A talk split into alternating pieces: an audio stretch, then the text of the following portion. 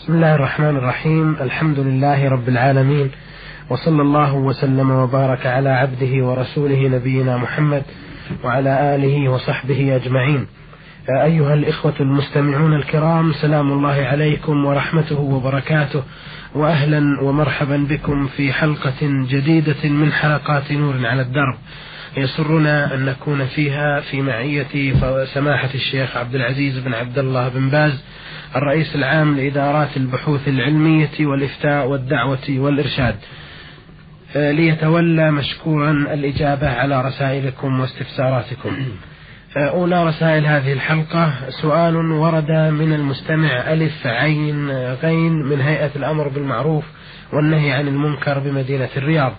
يقول السائل ما حكم إطعام الدجاج بالدماء المجمدة؟ حيث أن كثيرا من أعلاف الدجاج التي يشتريها أصحاب مزارع الدواجن لتسمين الدواجن في الداخل أو الخارج تشتمل على الدماء المجمدة لأن فيها نوعا من البروتين الذي يساعد في نمو الدجاج. أفيدونا أفادكم الله. بسم الله الرحمن الرحيم. الحمد لله والصلاة والسلام على رسول الله وعلى آله وأصحابه ومن اهتدى بهداه. أما بعد فإطعام الدجاج أو غيرها من أنواع الحيوانات المأكولة شيئا من النجاسات كالدماء ونحوها إذا كان الشيء قليلا لا يضرها ولا يحرمها ولا يجعلها جلالة وإنما تكون جلالة تحبس حتى تطهر وتنظف إذا كان الطعام النجس أكثر طعامها. أما إذا كان هو الأقل فإنه لا يؤثر ولا يسبب حرمة في الحيوان. ما دام عشرين في المئة ثلاثين في المئة أو نحو ذلك هذا لا يضر. وإنما الذي يحرمها إذا كان أكثر كستين في المئة وسبعين في المئة ونحو ذلك. وبهذا تسمى جلالة فتحبس حتى يطعم الطيب ورزق الطيب. فإذا حبست أياما مناسبة طهرت وحلت. هذا إذا كان النجس هو الأكثر أما إذا كان النجس قليلا فإنه يغتفر كالعشرة في المئة والعشرين في المئة ونحو ذلك حتى يكون أكثر.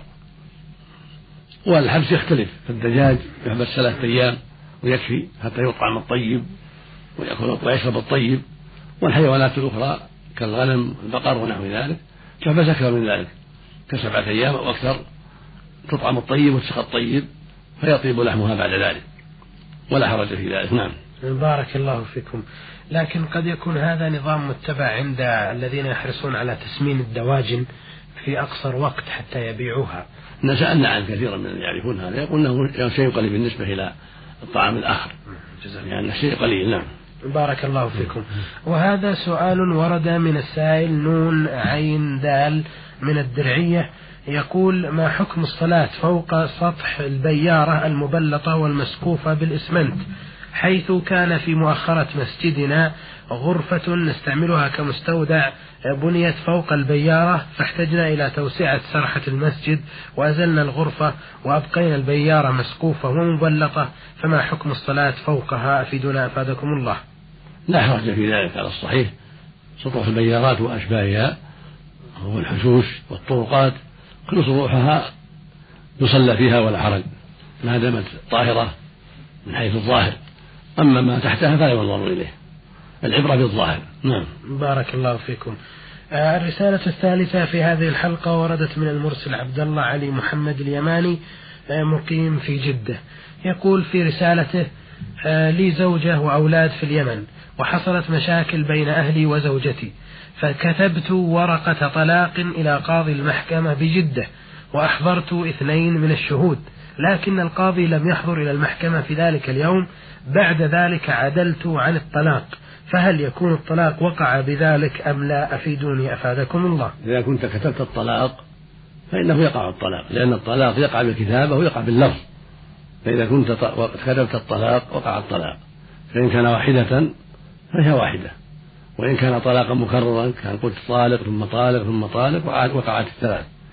فإن كانت الثلاث بلفظ واحد قلت هي طالق بالثلاث أو مطلقة بالثلاث فهذا يحسب واحدة على الصحيح من أقوال أهل العلم يحسب واحدة فقط ولك المراجعة إذا كانت لم تطلق قبل هذا إذا كنت ما طلقتها قبل هذا اثنتين طلقتين فلك المراجعة ما دامت في العدة. نعيد. أولا إذا كنت كتبت الطلاق فإنه يقع الطلاق لكن كان المكتوب واحدة وقعت واحدة. وإن كان بالثلاث لفظ واحد كتبت مطلقة بالثلاث أو طالقة بالثلاث وقعت واحدة أيضا على الصحيح من أقوال أهل العلم ولك المراجعة. تشهد أنك مراجعها قبل أن تخرج من العدة. إذا كنت ما طلقتها قبل هذا طلقتين أما إن كان المكتوب هي طالق ثم طالق ثم طالق ونحو ذلك هذا يقع به الثلاث. وليس لك الرجعة إلا بعد زوج.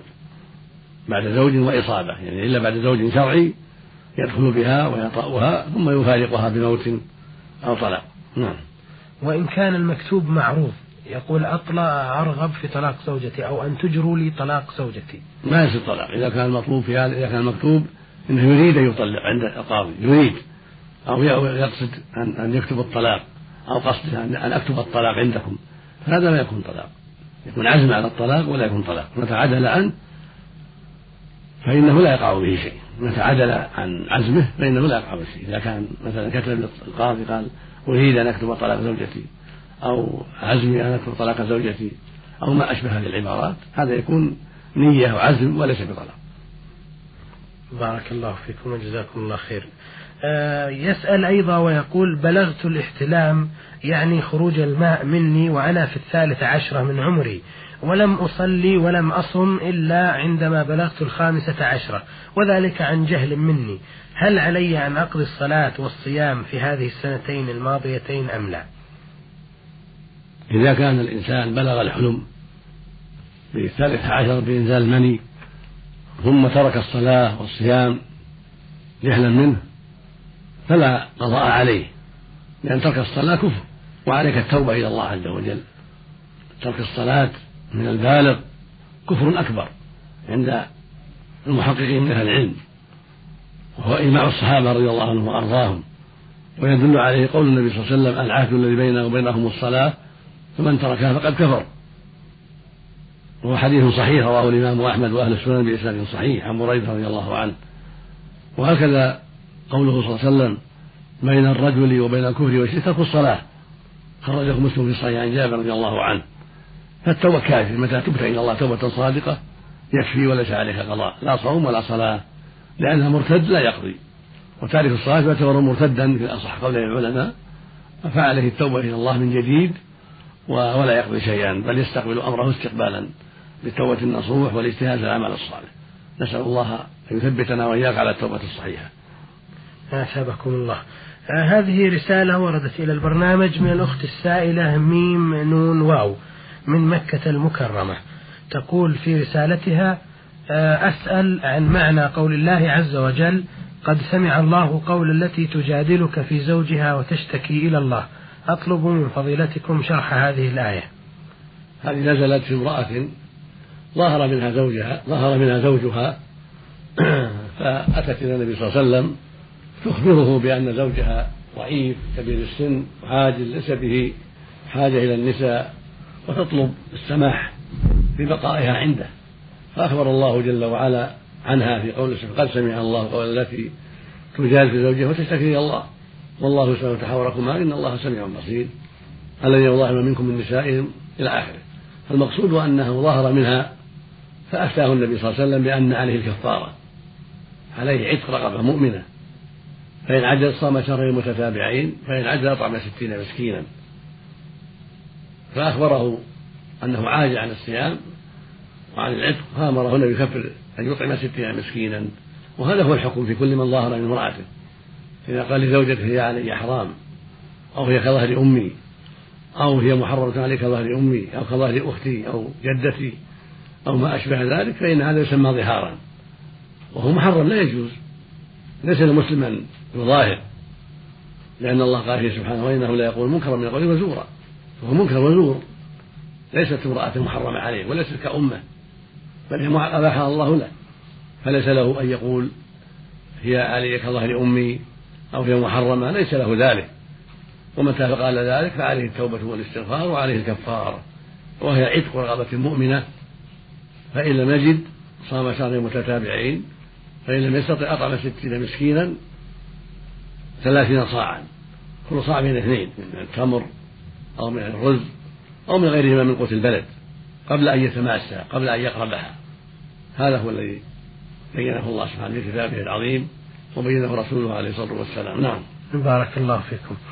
تسأل الأخت من مكة أيضا وتقول أنا متزوجة من مدة عشر سنوات وقد حصل بيني في يوم من الأيام وبين زوجي خصام حيث قال لي أحضري طعام العشاء فرفضت طاعته وقلت له لن أحضر لك الطعام حتى توصلني إلى أهلي. فوقف معي ساعتين ثم اتجه إلى منطقة أخرى ولم يقل لي أي شيء. فهل هو آثم وأنا آثمة في عدم طاعته أم لا؟ آه، أفيدوني وماذا أفعل حتى أرضي زوجي؟ وفقكم الله. الواجب على المرأة السمع والطاعة لزوجها في المعروف وإحسان الخلق وطيب الكلام وتنفيذ الأوامر من إحضار الطعام أو غيره من الشاي أو القهوة أو حاجات أخرى مما أباح الله. هذا هو الواجب على الزوجة. والواجب على الزوج كذلك أن يعاشر بالمعروف بالكلام الطيب بالصفات الحميدة كما قال الله سبحانه وعاشروهن بالمعروف. وقال الله عز وجل ولهن مثل الذي عليهن بالمعروف وللرجال عليهن درجة.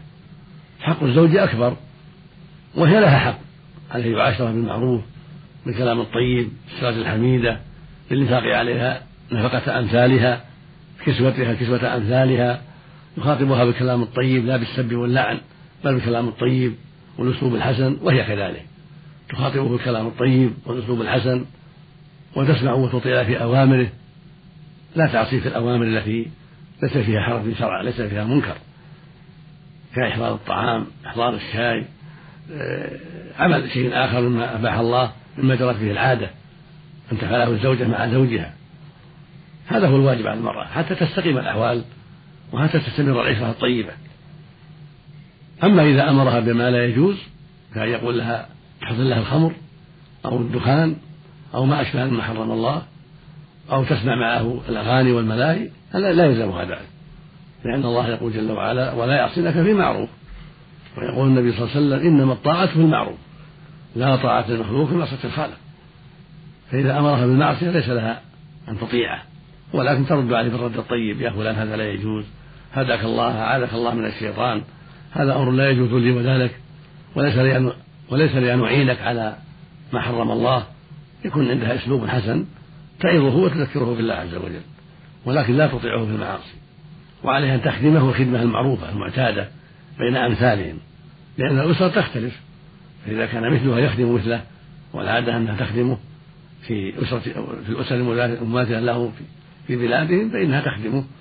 أما إذا كان من أسرة تخدم فإن عليه يخدمها. إذا استطاع ذلك عليه يخدمها عملا بالعادة المعروفة لأن الشرط العرفي كالنطق ولكن إذا تسامحت وخدمت كما خدمت فاطمة رضي الله عنها بنت النبي صلى الله عليه وسلم زوجها علي كانت تطحن وتخدم وتصلح الطعام رضي الله عنها وأرضاها. هكذا ينبغي للزوجة أن تتسامح وأن تخدم حتى ولو كان مثلها يخدم إذا تنازلت وتسامحت كان هذا من طيب الأخلاق ومن حسن السيرة ومن أسباب استمرار العشرة. لكن إذا كان مثلها يخدم وأسرة تخدم وتيسر للزوج أن يخدمها فذلك حق. نعم. بارك الله فيكم. وهذا الأخ أبو رائد من الرياض أرسل إلينا هذه الرسالة يقول فيها لقد نذرت نذرا أن أصوم خمسة أيام لله تعالى كلما شربت سيجارة دخان. وذلك من باب الامتناع عنه. وقد نذرت هذا النذر وأنا في حالة ليست بالغضب الكامل وأعي ما أقول ومصمم على النذر. ومرت الأيام لكن لم, لم أستطع مقاومة شيطان الرغبة إلى الدخان وشربت أول سيجارة. وصمت الخمسة أيام بعد ذلك. فهل هذا الصيام يمحو النذر الأول أم أنني كلما شربت سيجارة بعد ذلك لزمني أن أصوم عنها خمسة أيام؟ لأنني قد شربت الكثير ولا أستطيع حصرها تصل إلى مئات السجائر وأنا قادر على الإطعام والكسوة لأي عدد من الفقراء. أما الصيام فإنني لا أستطيعه. آه، ليس لصحتي ولكن لانشغالي في عملي. آه، أصبحت في حيرة من أمري. أفيدوني أفادكم الله. أسأل الله أن يهديك ويعيدك من الشيطان حتى تدع هذا الخبيث وهو التدخين وتسلم من شره الديني والدنيوي. أما هذا النذر هو أنك نذرت إن شربت الدخان أن تصوم خمسة أيام فأنت بخيار. إن شئت صمت الخمسة وإن شئت كفرت كفارة يمين لأن مقصودك الامتناع من هذا الخبيث. فهو نذر في حكم اليمين. فأنت مخير. إن صمت الأيام كفت. وإن تركت الصيام فعليك كفارة يمين وهي إطعام عشرة مساكين لكل مسكين نصف صاع من قوت البلد من التمر أو الأرز أو الحنطة أو الذرة أو الشعير حسب قوت البلد. أو تكسوه كسوة على كل واحد له قميص أو إزار رداء عشرة. يكفي عن الصيام. ولا يلزمك صيام آخر متى فعلت التدخين مرة أخرى تكفي المرة الأولى. إذا كنت قلت إن شربت السجارة صمت خمسة أيام هذا يكفيك الصوم الأول أو الكفارة الأولى هذا هو الواجب. أما إذا كنت قلت كلما شربت فعليه صوم إذا كنت قلت هذا الكلام كلما شربت صمت خمسة أيام هذا كل ما شربت عليه كفارة يمين أو صوم إما أن تصوم وإما أن كفارة يمين لأن قلت كلما هذا ينطبق على كل شيء يأتي في المستقبل. فالواجب عليك أن تتقي الله وأن تدع هذا الخبيث وتجتهد وتأخذ من الأطباء ما يعينك على تركه لأنه مضر بدينك ودنياك ومحرم. لا يجوز شربه ولا بيعه ولا شراؤه ولا التجارة فيه. فاتق الله وحاسب نفسك وجاهدها لله سبحانه وتعالى. وأعرف الفتوى. الفتوى على التفصيل الآتي. أولا إذا كنت قلت إن شربت فعلي الصيام خمسة أيام. فهذا فيه الخيار. بعدما شربت الشربة الأولى السيجارة الأولى بعدما شربتها أنت مخير. إن شئت صمت وقد صمت والحمد لله وانتهى الأمر. وإذا عدت فليس عليك شيء. ولو أنك كفرت كفارة يمين كفى عن الصيام لأن هذا النظر في حكم اليمين وليس من باب القرب لأن المقصود منه الزجر لنفسك والمنع لها من التدخين وليس القصد التقرب بالصيام إنما قصد منع نفسك. لأنك متى ذكرت أنك عليك الصيام امتنعت ولكن الشيطان غلبك حتى فعلت هذا التدخين. فينبغي أن تغلب أن تغلب عدو الله. جاهده واغلبه واستعن بالله حتى تدع هذا الخبيث وحتى تسلم من مضاره الكثيرة. أما إن كنت قلت كلما شربت صمت خمسة أيام فهذا يلزم كل ما شربت تصوم. أو تطعم تكفر كفارة من أحد الأمرين. أنت مخير. كل ما شربت سيجارة فعليك أن تصوم خمسة أيام أو تكفر كفارة يمين بإطعام عشرة مساكين أو كسوتهم. والله ولي التوفيق. نعم. بارك الله فيكم. يعني العبارة الاختلاف في الفتوى هو أن العبارة الأولى مرة واحدة تكفي نعم. والعبارة الثانية كلما. كلما إذا تكرر الحدث تكرر الصيام نعم. أو, أو, أو كفارة يمين أثابكم الله. وهذه رسالة وردت من ميم حاء دال آه، مصري الجنسية يقيم بالزلفي في المملكة. يقول أنا أعمل بمدرسة في الزلفي ومعنا جماعة من إخواننا من بنغلاديش والباكستان. وبعد صلاة العشاء يبدأون بالتسبيح بالحجارة. وعدد الحجارة ألف حجر وهم يجلسون في المسجد دائرة ويتبادلون الحجارة. وعندما يتبادلونها يقول الواحد منهم لا إله إلا أنت سبحانك إني كنت من الظالمين. أرجو منكم الإفادة في ذلك وفقكم الله. هذا العمل مبتدع هو الإنسان يجلس مع إخوان الله يسبحون ويحمدون ويكبرون بالحصى وبالحجارة يتساعدون في هذا الأمر. هذا لا يجوز. أما إذا كان الواحد بنفسه يسبح بينه وبين نفسه يذكر الله بينه وبين نفسه بأصابعه أو بحجارة أو بنوى فلا بأس. لكن الأصابع أفضل.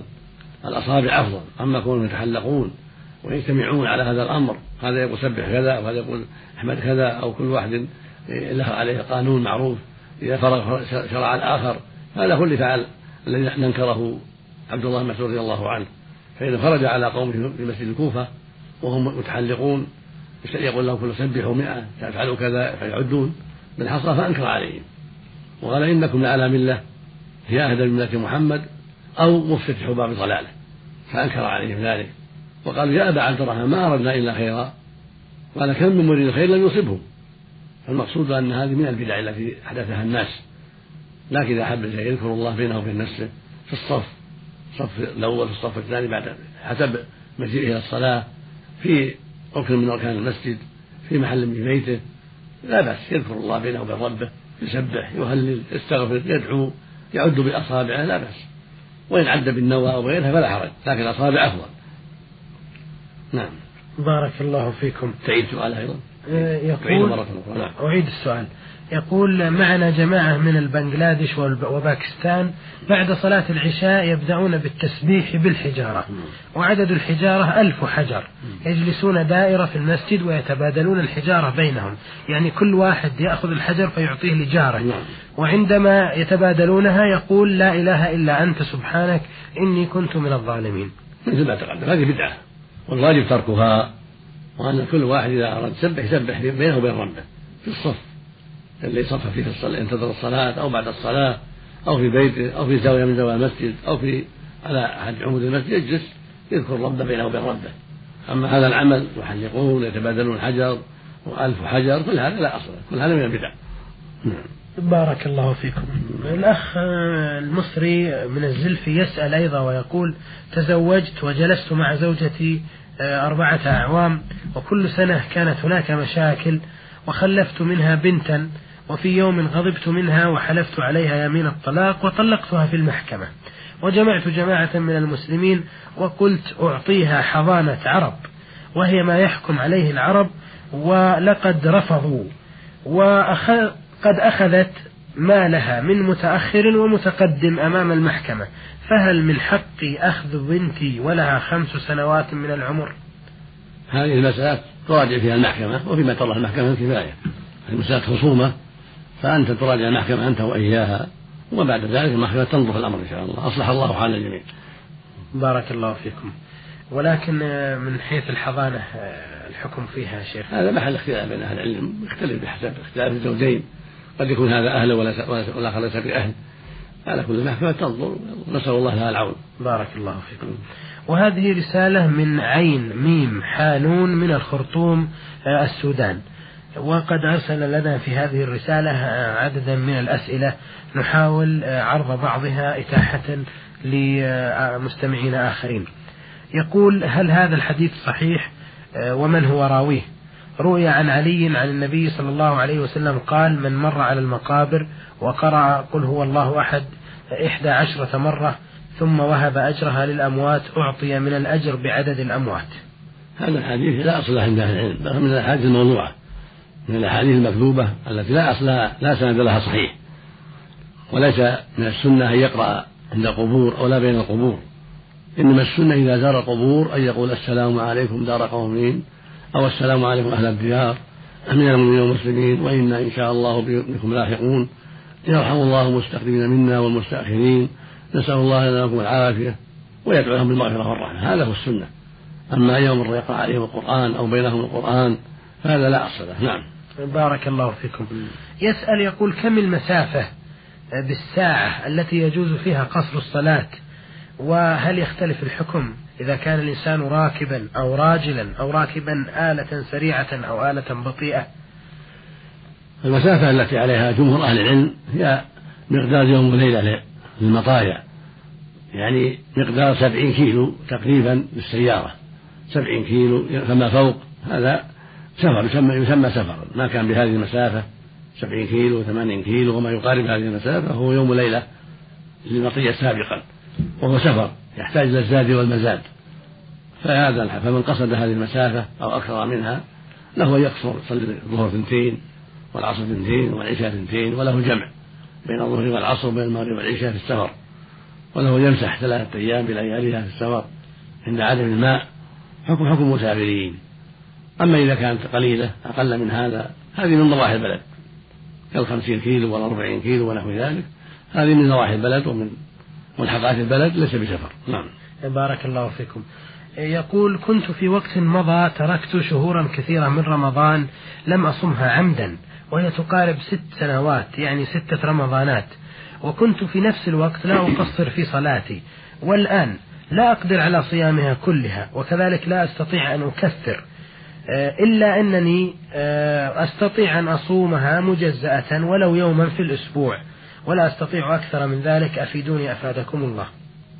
الواجب عليك يا أخي التوبة إلى الله التوبة الصادقة التي تجتمع الندم على الماضي والأسف على ما مضى منك والعزم الصادق ألا تعود في ذلك. وعليك قضاؤها على حسب طاقتك ولو يوم في الأسبوع. تقضيها حتى تكمل إن شاء الله تلك السنوات الست. ما دمت تصلي والحمد لله فعليك أن تكمل وتقضي هذا الصيام على حسب طاقتك فاتقوا الله ما استطعتم. الأول أيضا عليه إطعام عليك أن تطعم عن هذه السنوات عن كل يوم نصف صاع على الصحيح. أفتى به جماعة من أصحاب النبي صلى الله عليه وسلم فعليك أن تطعم عن كل يوم مسكينا إذا كنت تستطيع ذلك. نصف صاع من قوت البلد من تمر أو رز أو غيرهما إذا استطعت. أما إذا كنت فقيرا فلا شيء عليه نعم. يعني مع القضاء. مع القضاء مع الصيام. لأنه مر عليها رمضانات مع الصيام مر عليه رمضانات نعم. بارك الله فيكم. يسأل عن حكم رفع اليدين أثناء الركوع والرفع منه بعد التشهد الأوسط في القيام. هذه السنة سنة للمصلي أن يرفع يديه في أربعة مواضع. عند الإحرام أول ما يكبر يرفع يديه حيال منكبيه وحيال أذنيه ثم يرفعهما عند الركوع حيال منكبيه وأذنيه ثم يرفعهما عند الرفع من الركوع ثم يرفعهما أيضا عند قيام الشهد الأول إلى الثالثة. هذا هو السنة نعم. والبقية لا لا يحتاج إلى نعم. وما حكم دعاء الاستفتاح والتعوذ من عذاب جهنم وعذاب القبر وفتنة المحيا والمات والمسيح الدجال؟ كله سنة كله سنة. تعوذ الاستفتاح سبحانك اللهم وبحمدك وتبارك اسمك وتعالى جدك ولا إله غيرك أو بي اللهم بعد بيني وبين خطاياي الحديث أو غيرهما من الاستفتاحات كله سنة مستحب وليس بلازم. إنما هو مستحب إذا كبر تكبيره الإحرام قبل أن يقرأ يقول سبحانك اللهم وبحمدك وتبارك اسمك وتعالى جدك ولا إله غيرك. في الفرض والنفل جميعا. أو يأتي باستفتاح آخر مما صح عن النبي صلى الله عليه وسلم ومن ذلك ما صح عنه صلى الله عليه وسلم كان يقول اول ما يكبر يسكت هنيها ويقول اللهم باعد بيني وبين خطاياي كما باعدت بين المشرق والمغرب. اللهم نقني من خطاياي كما ينقى الثوب الأبيض من الدنس. اللهم اغسلني من خطاياي بالثلج والماء والبرد. هذا أصح ما ورد عنه عليه الصلاة والسلام. وإن استفتح بغير ذلك من الاستفتاحات الصحيحة فهو سنة. واحد منها يكفي. وأكثرها سبحانك اللهم وبحمدك وتبارك اسمك وتعالى جدك ولا إله غيرك هذا أكثرها. يستطيع حفظه كل كل أحد من الناس. ثم بعد هذا يقول أعوذ بالله من الشيطان الرجيم. بسم الله الرحمن الرحيم. يقرأ الفاتحة. وأما التعوذ هذا بجهنم وهذا بالقبر إلى آخره هذا سنة مؤكدة في آخر الصلاة قبل أن يسلم. يقول أعوذ بالله من عذاب جهنم ومن عذاب القبر. من فتنة المحيا والممات ومن فتنة المسيح الدجال. سنة مؤكدة. كان النبي صلى الله عليه وسلم يفعلها ويأمر بها. ويستحب له الدعاء بغير هذا. اللهم أعني على ذكرك وشكرك وحسن عبادك اللهم اغفر لي ولوالدي. اللهم إني اللهم إني ظلمت نفسي ظلما كثيرا ولا يغفر الذنوب إلا أنت. فاغفر لي مغفرة من عندك وارحمني. إنك أنت الغفور الرحيم. اللهم اغفر لي ما قدمت وما أخرت وما أسررت وما أعلنت وما أسرفت. وما أنت أعلم به أنت المقدم وأنت المؤخر لا إله إلا أنت. كل هذا صح النبي صلى الله عليه وسلم. أثابكم الله وبارك الله فيكم. بهذا أيها الإخوة نأتي إلى ختام هذه الحلقة فنشكر سماحة الشيخ عبد العزيز بن عبد الله بن باز على إجاباته ونشكر لكم حسن متابعتكم وإلى الملتقى بإذن الله والسلام عليكم ورحمة الله وبركاته.